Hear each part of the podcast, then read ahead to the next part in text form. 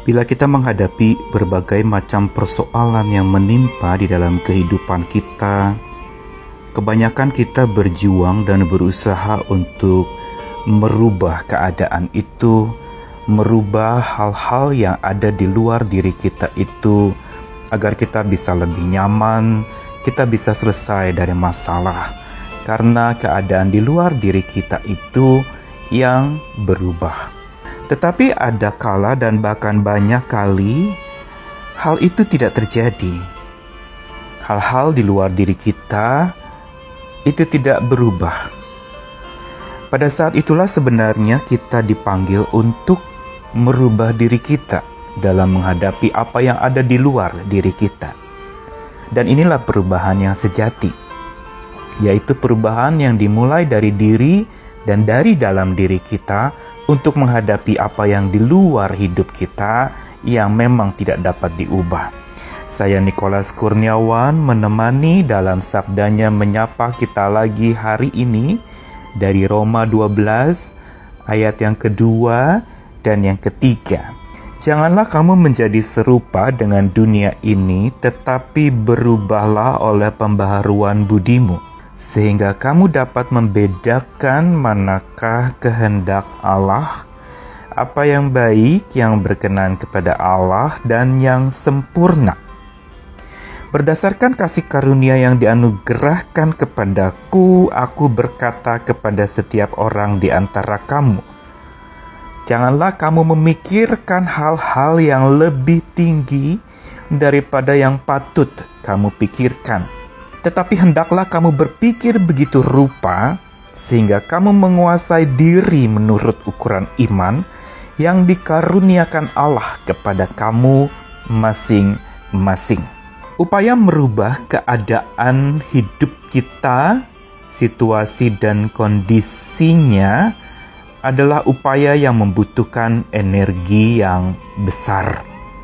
Seringkali justru upaya itu malah sangat melelahkan, bukan saja melelahkan, tapi upaya yang justru dipenuhi dengan berbagai macam kebohongan, karena kita tidak mampu sesungguhnya mengubah apa yang terjadi di sekitar kita.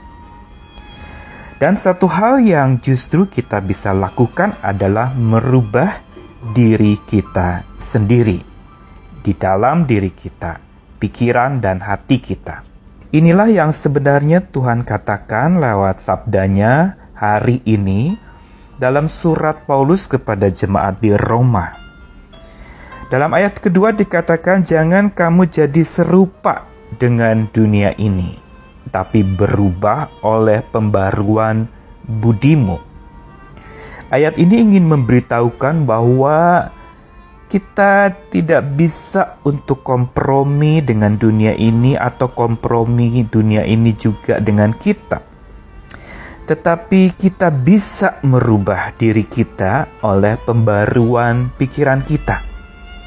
Sehingga kita bisa bedakan yang mana yang menjadi kehendak Tuhan dalam hidup kita. Dan lebih lanjut lagi Paulus mengingatkan bahwa untuk pembaruan akal budi kita terjadi, itu diawali dengan memikirkan hal-hal yang tidak lebih tinggi dari yang patut kita pikirkan. Atau dengan kata lain, berpikir sederhana. Berpikir sederhana bukan berarti lalu kemudian kita berpikir seenaknya. Berpikir sederhana bukan juga berarti kita tidak memikirkan apa-apa. Yang penting jalan saja, yang penting ngalir, nanti kita tahu ujungnya bagaimana. Bukan seperti itu berpikir sederhana. Tapi firman Tuhan hari ini mengatakan berpikir begitu rupa. Berpikir begitu rupa yang berarti berpikir yang sederhana itu adalah berpikir yang tepat Pertama diawali dengan kejujuran memandang posisi diri kita yang sebenarnya. Menyadari siapa kita, menyadari posisi kita yang terbatas dan serba terbatas di hadapan Tuhan yang tidak terbatas itu. Ini yang membuat kita sadar bahwa kita ini hanyalah hamba dan Tuhan kita itulah penguasa hidup kita dan penentu utama. Ini yang membuat kita akhirnya memang bisa tidak menyelami apa yang menjadi rencana Tuhan dalam hidup kita. Tapi kembali ketika kita sadar siapa posisi kita, sadar dan jujur memandang diri kita yang sesungguhnya, maka di situ kita menemukan sebuah penerimaan dan pemahaman yang lebih dalam bahwa memang ada hal-hal yang kita tidak bisa tahu. Hanya Tuhan yang Maha Tahu. Posisi kita adalah berjalan bersama dengan Tuhan, bukan mengetahui jalan-jalannya Tuhan yang tak terselami itu. Hal kedua berpikir sederhana itu bukan saja kejujuran memandang posisi diri, tapi juga memahami porsi yang jadi bagian kita. Porsi apa porsi berarti ada bagian-bagian yang memang kita bisa kerjakan, tapi ada bagian-bagian yang memang kita tidak bisa kerjakan. Upaya kita adalah taat kepada Tuhan, tetapi yang Maha Berdaulat itu adalah Tuhan.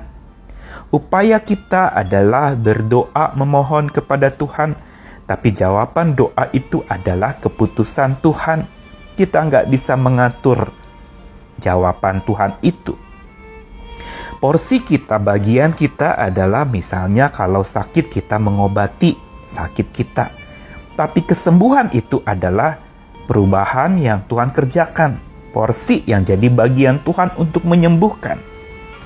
Dengan sadar kita posisi porsinya apa, posisinya apa, ini akan kita masuk dalam sebuah proses yang sebenarnya Tuhan sedang kerjakan dalam hidup kita.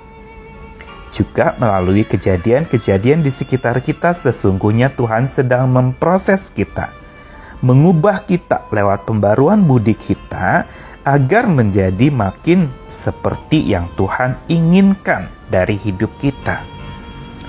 Mari kita belajar berpikir sederhana ini supaya kita bisa menjalani kehidupan kita pada jalur yang benar sesuai dengan rencana Tuhan dalam hidup kita.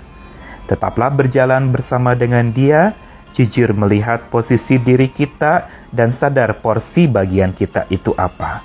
Selamat berjuang, tidak menyerah kalah, bersandar lagi kepada Tuhan. Untuk kita bisa berpikir simple, kita perlu humble. Selamat beraktivitas, salam hari ini. Amin.